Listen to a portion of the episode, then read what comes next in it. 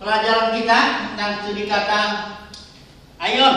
Ya, hari ini kita akan belajar secara khusus tentang neraka. Apa sebenarnya konsep neraka yang diberikan oleh para teolog? Apakah konsep ini ada di Alkitab? Konsep neraka yang diberikan para teolog pada umumnya adalah tempat siksaan. Siksaan selamanya. Ini biasanya konsep neraka. Ini bahasa Inggrisnya hell ya. Konsep neraka yang dipegang oleh hampir seluruh teolog seperti ini. Pertanyaan kita hari ini adalah apakah konsep seperti ini ada di Alkitab? Dan juga apakah bahasa asli Alkitab itu ada yang mempunyai makna seperti ini? Nah, itu yang mau kita pelajari. Tapi sebelumnya kita akan baca dulu beberapa ayat yang menyatakan bahwa Tuhan intinya ini ya kesimpulannya Tuhan atau Bapa akan menyelamatkan semua manusia. Ini nanti kita akan baca ayat-ayatnya. Menyelamatkan semua manusia. Oke, kita akan baca ayat-ayatnya mulai dari Hengki. Silakan. Yohanes pasal 12 ayat 32 dan aku apabila aku ditinggikan dari bumi aku akan menarik semua orang datang kepada aku. Perhatikan, menarik semua orang. Ini perkataan Yesus, dia akan menarik semua, sebagian. Semua orang. Bersih artinya?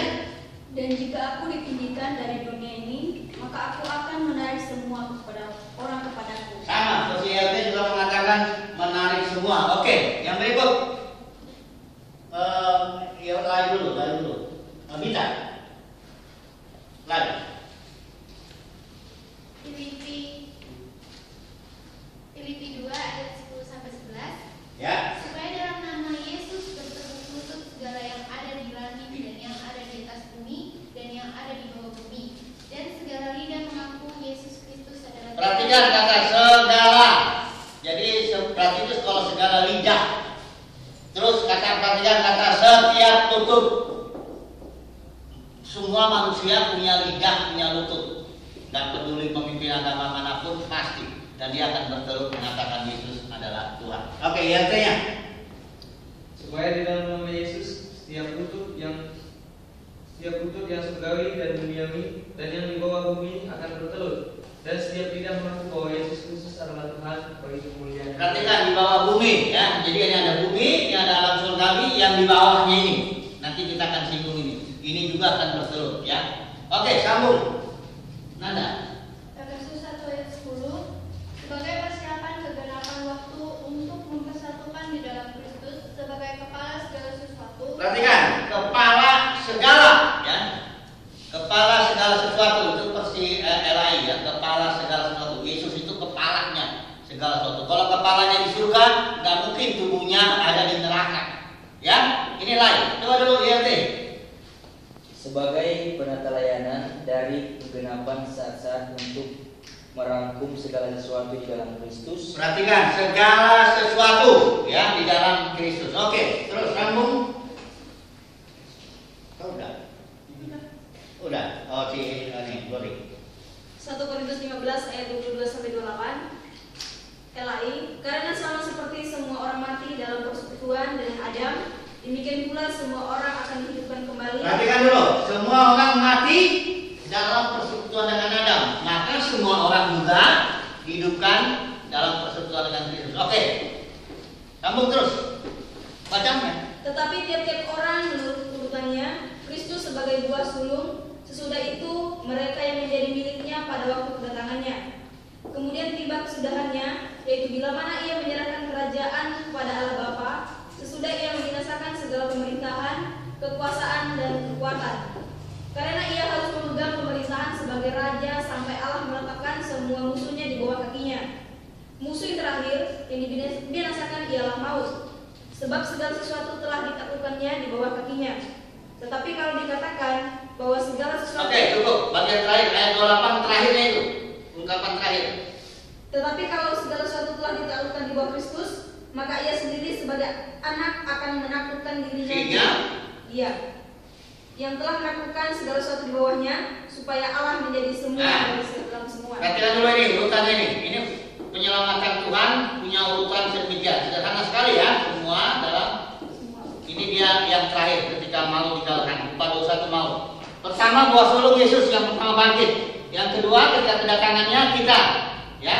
Baru setelah itu kita melayani sebagai imam dan raja sampai mau dikalahkan Bapa di semua dalam semua.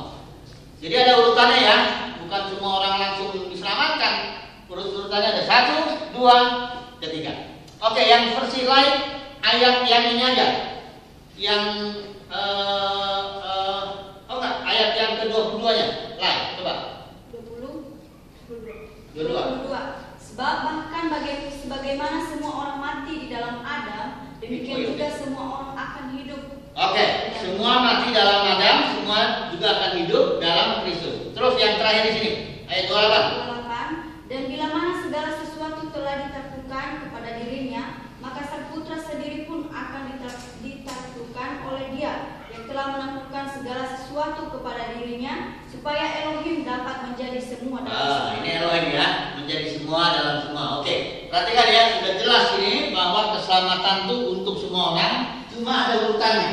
Ya, kebangkitan juga 119 untuk semua orang cuma ada urutannya. Oke, setelah itu sambung Lina. Di dalam Roma 5 ayat 18 sampai 19. Sebab itu seorang sama seperti oleh satu pelanggaran semua orang beroleh penghukuman demikian pula se- oleh satu perbenaran perbuatan kebenaran semua orang beroleh pembenaran untuk hidup. Perhatikan, oleh satu pelanggaran, maksudnya oleh Adam, Adam yang melanggar itu satu, tapi semua orang kena penghukuman. Ya, perhatikan ini logikanya. Yang kedua, kalau karena satu orang yaitu Yesus berbuat baik, masa sebagian? Tidak mungkin, tapi semua juga. Nah, ini, ini logikanya. Coba dulu versi ILT-nya. Oleh karena itu, kemudian sebagaimana melalui kesalahan satu orang, bagi semua orang akibatnya penghukuman. Nah, tunggu dulu. Ba- Kalau kesalahan satu orang, bagi semua orang akibatnya itu kena. Terus? Demikian pula melalui pembenaran satu orang, bagi semua orang akibatnya pembenaran hidup. Nah, bagi semua orang akibatnya. Ini bagus nih, terjemahannya ada akibat. Perhatikan ya, satu orang akibatnya semua. Yang ini juga satu orang akibatnya semua. Oke, sambung sama.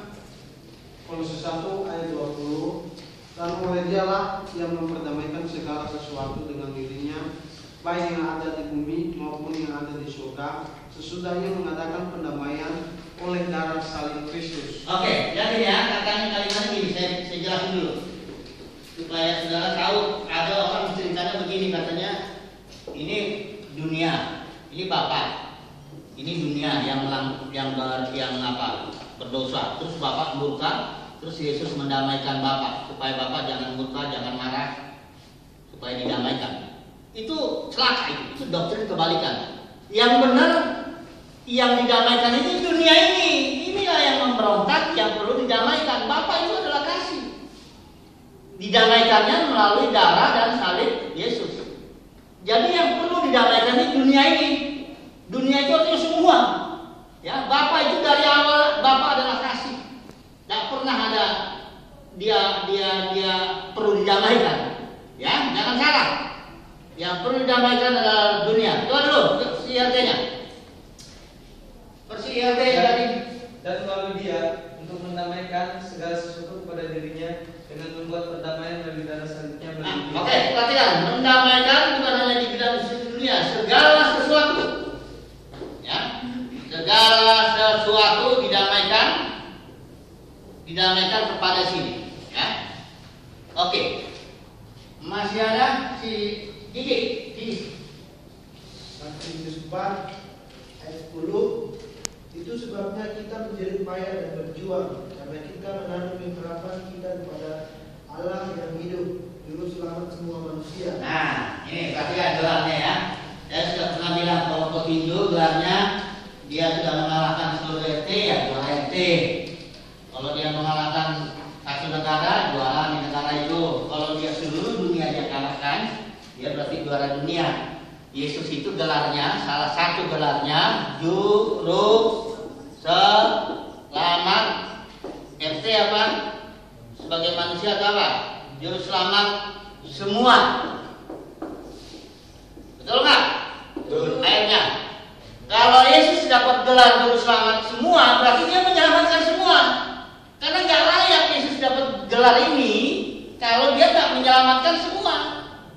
Gelar Yesus juru selamat semua manusia. Perhatikan dulu, ILT, coba dulu. Versi ILT-nya. Sebab untuk hal ini pula kami berdiri lelah dan rela karena kami telah berharap kepada Elohim yang hidup, yaitu juru selamat semua manusia. Ya, perhatikan ya, juru selamat itu juga sama ya, semua manusia. Oke, sekarang pertanyaan yang penting, kalau gitu ada nggak sih neraka itu? Ini dia pertanyaannya mau kita jawab. Ada nggak neraka yang kata para teolog itu tempat siksaan selamanya? Yang jelas kalau yang selamanya itu salah ya. Yang ini udah salah ini. Karena udah kita lihat dari ayat-ayatnya jelas tadi bahwa semuanya diselamatkan. Jadi kalau ini ini udah salah. Pertanyaan kita sekarang ini nih. Apakah Tuhan menyiksa? Ada tempat seperti itu? Ya. Mari kita lihat dulu satu-satu ya bahasa aslinya. Yang pertama dulu ya. Bahasa Ibrani ini Seol. Padanannya, istilah Yunaninya itu Hades. Ini apa artinya? Ya. Coba kita lihat. Seol ya. Seol ini ada 65 kali ditulis di Alkitab 65 kali ya Seol itu dan diterjemahkan dalam ini ini terjemahan bahasa Inggris ya King James version ini 31 kali diterjemahkan hell. Hell itu yang neraka ini ya. Setelah itu 31 kali lagi diterjemahkan grave. Itu artinya kuburan. Kuburan. Dan hanya uh, kali diterjemahkan pit lubang. Nah ya. Terus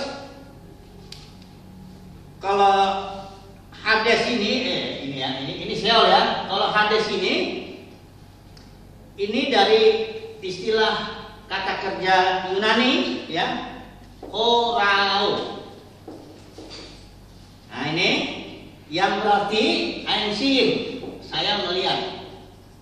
Ini gini ya tulisannya. Saya melihat. Nah orang Yunani dia menambahkan satu kata di belakang kata ini kata kerja ini tambahkan alfa begini sehingga artinya jadi unseen unseen tidak terlihat ya ini boleh saja karena ini bahasa mereka jadi Hades itu pengertiannya adalah unseen, tidak terlihat. Itu ya. Nah, kalau misalnya Hades dengan Seol ini kita terjemahkan tidak terlihat, maka cocok. Perhatikan ya, Yunus. Wah, ini ada satu lagi Yunus. Yunus, coba suara dengan cepat. Yunus 2 ayat 2. Siapa yang paling cepat langsung baca? Yunus 2 ayat 2. Yunus 2 ayat 2 katanya, dalam kesusahanku aku berseru kepada Tuhan dan ia menjawab aku dari tengah-tengah dunia orang mati aku berteriak dan kau dengarkan suaraku. Nah, dari tengah Yunus bilang dari tengah dunia orang mati. Ya. Ini terjemahan uh, kamu baca apa? Lain. Elai yang ILT, ILT. Ayat Yunus 2 ayat 2 Ia berkata, Aku berseru dari kes- kesukadaanku kepada Yahweh Dan dia menjawab aku dari tengah-tengah alam maut Alam maut. Oke. Alam maut. Oke, ya. Perhatikan. Kalau yang ini kita terjemahin ansin, karena gini, kalau dibilang dunia orang mati, Yunus itu tidak ada, dia hidup kok. Dia tidak di dunia orang mati, dia hidup ada, cuma dia ada tiga hari tiga malam di perut ikan, ya. Jadi kalau di- diterjemahkan dunia orang mati ini gak tepat. Atau kalau dibilang alam maut. Tapi kalau diterjemahkan ansin, aku ada di tempat yang gak kelihatan. Ya, karena memang dia gak kelihatan, ini laut. Ya, ikannya nangkap dia, terus masuk ikannya ke dalam tuh. Nah, ini ikan kan? Ada Yunus di sini, dia gak kelihatan. Ah, itu benar terjemahannya. Jadi terjemah, jadi istilah sel dengan Hades cocoknya diterjemahkan ansin. Memang ini artinya, ya. Jadi sama sekali bukan tempat seperti yang digambarkan teolog. Nanti kita lihat lagi ya. Oke, yang berikut istilah harus. Yang kedua, ya. Yang kedua, ada istilah itu ini istilah Ibrani. Tartarus. Ini cuma dipakai satu kali di dalam Alkitab. Itu artinya tempat di mana malaikat jahat atau iblis itu disimpan sementara. Tempat sementara sebelum mereka diyakini. Itu Tartarus ya. Satu lagi kata yang paling sering dipakai itu Gehenna. Nah, ini perhatikan ya. Ini Gehenna. Gehenna yang ketiga tadi ya, berarti ya. Ini Gehenna. Kita lihat dulu apa ini artinya Gehenna. Nanti baru kita ambil kesimpulan ya. Nanti baru kita ambil kesimpulan yang penting ini. Yang pertama, ayat lihat dulu Gehenna itu artinya apa? Gehenna. Oh ini. Gehenna itu dipakai di Alkitab. Ini Gehenna, G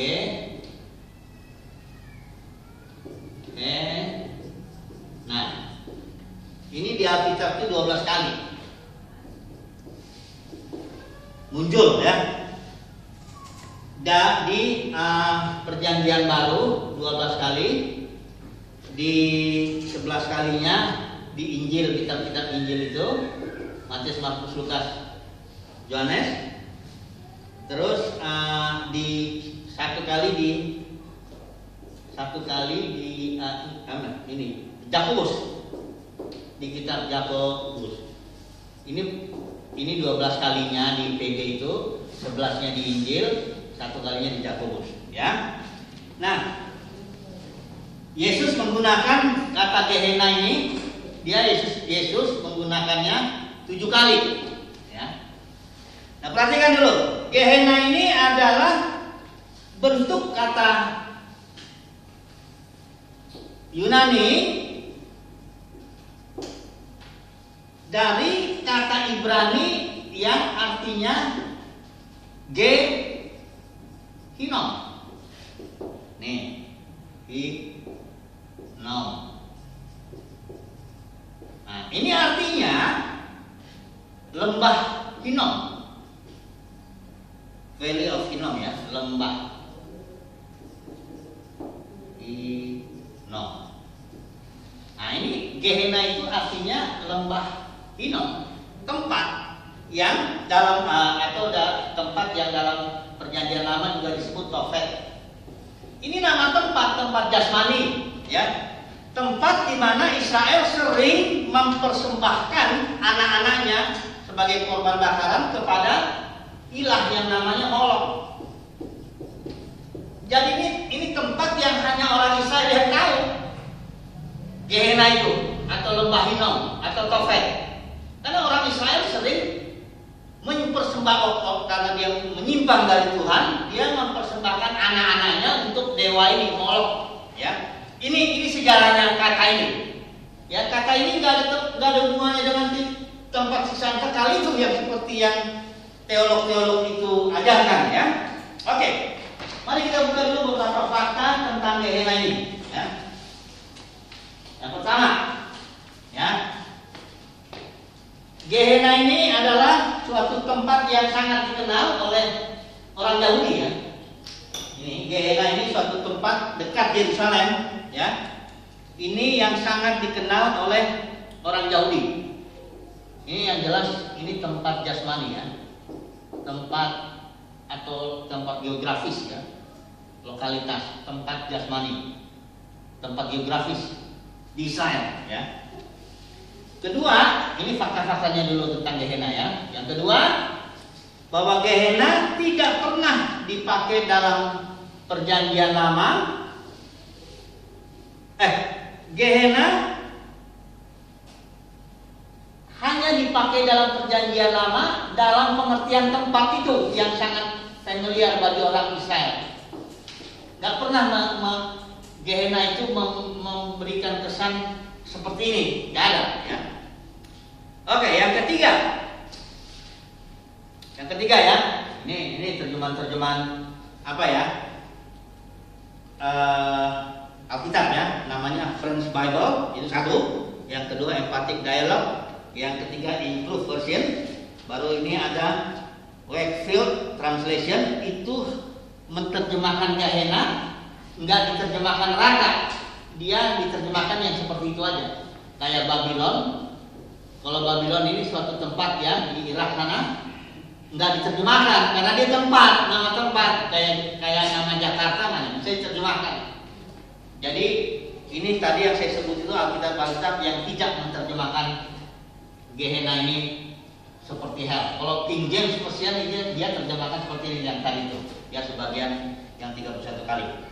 Yang keenam, tidak pernah eh keenam. Yang ketiga, fakta yang ketiga, tidak pernah penulis Yahudi seperti Josephus atau Philo pernah menggunakan Gehenna ini dengan pengertian tempat siksaan. Ini yang Josephus itu sejarawan dahulu ya. Josephus ini yang menulis tentang bagaimana tentara Roma menghantam Yerusalem tahun 70 itu. Ini Josephus dengan Philo. Ini kalau kita orang Yahudi tahu ini, ini penulis yang sangat terkenal. Dia nggak pernah memakai istilah Gehenna dengan pengertian ini tempat siksaan, apalagi tempat siksaan selamanya. Nah, yang keempat, ini fakta-fakta ya. Ini fakta-fakta semuanya fakta bersejarah saya beberkan supaya nanti kita tahu sebelum ambil kesimpulan ya. Yang keempat, yang pertama penulis Yahudi yang memakai nama tempat ini Gehenna, Gehenna dipakai dengan pengertian penghukuman yang akan datang. Penghu, ini udah mulai dekat ke sini ya. Penghukuman yang akan datang. Ini pertama kali penulis Yahudi yang pakai itu namanya ini. Jo Nathan Ben Ujian. Inilah yang pertama kali menggunakan nama tempat tapi dengan pengertian penghukuman yang akan datang. Ini dia ya. Yang kelima, faktanya penulis Kristen ya. Ini penulis Kristen yang pertama menyatakan Gehenna itu adalah neraka. Nah, ini Justin Martir. Ini ini sangat dikenal nih, Bapak gereja Justin Mar dari namanya dia memang martir ya. Justin Martir tahun 150. Inilah yang pertama kali si Justin ini menggunakan nama tempat Gehenna yang dikenal oleh orang Israel itu cuma nama tempat, tapi dia terjemahkan menjadi seperti ini. Hell. Ya. Oke, sekarang kita lihat ya, sebelum kita ya rasa cukup layak kita udah bisa ngambil kesimpulan atau satu lagi, lake of fire. Ini karena banyak orang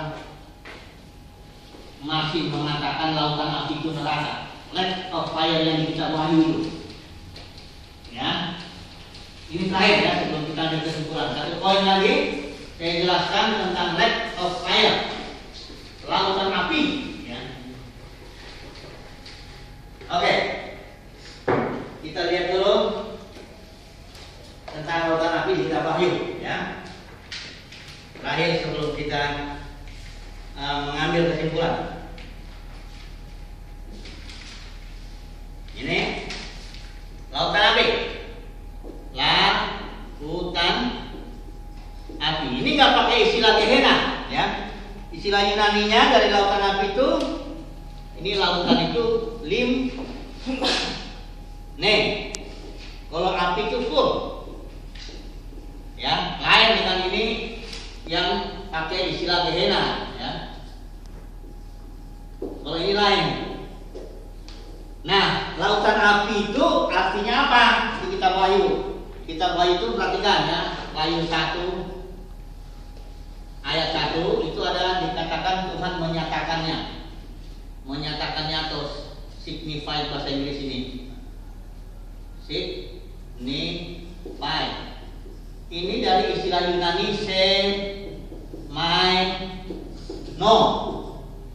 Dari akar kata se ma. Ini istilah Yunani ya, artinya tanda. Tanda atau simbol.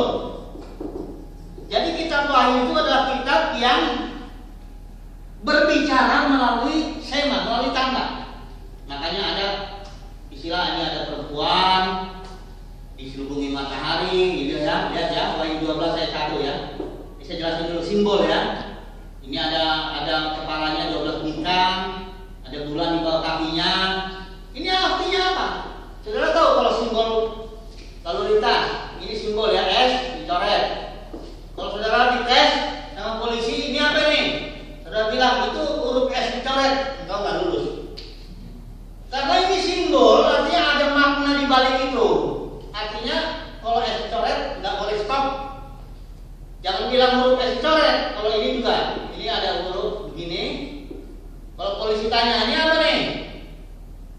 Pak, itu P dicoret. Nah, kamu nggak lulus juga. Ini adalah jangan parkir. Itu juga begini. Ini Wahyu 12 ayat 1 ini simbol. Artinya ini perempuan itu gereja yang diselubungi Kristus matahari, bulan itu yang itu apa?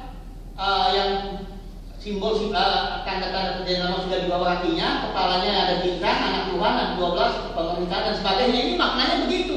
Ini juga gitu. Ini simbol lautan api ini. Lautan itu artinya orang banyak. Ya, di mana-mana lautan api artinya eh, lautan itu artinya orang banyak. Api itu artinya simbol dari pemurnian. Pemurnian. Jadi lautan api itu artinya orang banyak yang memurnikan. Nah, ini siapa orang banyak yang memurnikan? Inilah yang buah sulung para pemenang itu. Buah sulung. Nanti kalau kita lihat ya. Jadi ini bukan ada hubungannya dengan tempat siksaan selamanya. Banyak orang pikir lautan api itu tempat siksaan. Bukan, ini simbol yang maknanya adalah buah sulung yang melakukan pelayanan pemurnian. Pelayanan pemulihan segala sesuatu. Oke, kita akan lihat kesimpulan. Jadi, nah kalau kesimpulan kan begitu kan? Pembukaannya, eh, jadi, ya, saya akan kasih satu dua kesimpulan, tapi ini ini yang paling penting. Ya, saya harap setelah sudah lihat kesimpulan, jangan lagi punya konsep. Oh, ada satu lagi ya. Dari mana kata ini eh, asalnya ini ini nggak usahlah kita ini ya kita bahas ini. Udah kelamaan kali ya. Jadi ini ini sebenarnya sejarahnya mulai dari gereja Katolik yang eh, ada dua buku itu ya tentang Babylon itu. Ini menjelaskan sejarahnya. Dari ajaran Katolik yang mengatakan ada dewa yang namanya Hell. Dewi ya bukan dewa, Dewi. Perempuan. Yang namanya Hell yang ada di bawah bumi yang suka menyiksa. Ini sejarahnya ya. Baca di dua buku ini ada misteri Babylon ya.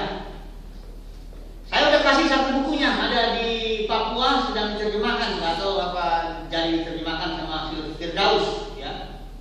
Ini ada sejarahnya. Tapi sekarang kita ambil kesimpulannya lah. Yang penting sekarang. Kesimpulan. Apakah ada neraka dan yang memiliki konsep seperti ini? Ya tidak. Jawabnya tidak ada. Nah, pertama kalau neraka konsepnya seperti para teolog itu, ini tempat siksaan selamanya. Jawabnya jelas tidak ada. Ya, tidak ada di Alkitab. Ini konsep dari dari orang kafir, dari kekristenan yang ma- masuk. Karena orang kafir Yunani juga punya dewi yang suka menyiksa orang itu. Yang kedua, jadi kesimpulannya kalau neraka itu pengertiannya adalah tempat siksa yang kekal, tidak ada di Alkitab. Oke? Tapi yang kedua, apakah Tuhan menghakimi atau menghajar atau menghukum atau mengoreksi? Jawabnya iya. Tuhan supaya orang bertobat. Ya, dua dulu terakhir kata ya. Yesaya 26 ayat 9. Ayo, dua dua versi terakhir. Yesaya 26 ayat 9. Yesaya 26 ayat 9 LAI Dengan segenap jiwa aku merindukan engkau pada waktu malam Juga dengan sepenuh hati aku mencari engkau pada waktu pagi Sebab apabila kau datang menghakimi bumi Maka penduduk dunia akan belajar apa yang benar Perhatikan, apabila kau datang menghakimi bumi, tujuannya apa? Penduduk bumi akan mengenal kebenaran. Jadi ada penghakiman, ada penghukuman, disiplin, hajaran, ada. Tapi tujuannya mengoreksi. Ya, itu ada versi lain. Eh, tadi Iya, Yesaya Yesaya 26 ayat 9 Dengan jiwaku aku merindukanmu pada waktu malam Ya dengan ruhku bersamaku aku mencarimu dengan penuh ketekunan Karena seperti pada waktu penghakimanmu terha- terhadap bumi Orang-orang yang berdiam di bumi telah belajar kebenaran Ya sama ya. Kalau penghakiman datang, orang bumi bela- belajar kebenaran. Jadi sekali lagi mulai kesimpulan. Kalau neraka itu adalah pengertian para teolog tempat siksaan kekal, tidak ada di Alkitab. Itu satu. Yang kedua, kalau pengertiannya itu tempat atau atau kondisi atau Tuhan menghajar, menghakimi, mengoreksi, menghukum, ada di Alkitab. Tujuannya adalah pemulihan. Oke, sudah cukup jelas ya. Puji Tuhan.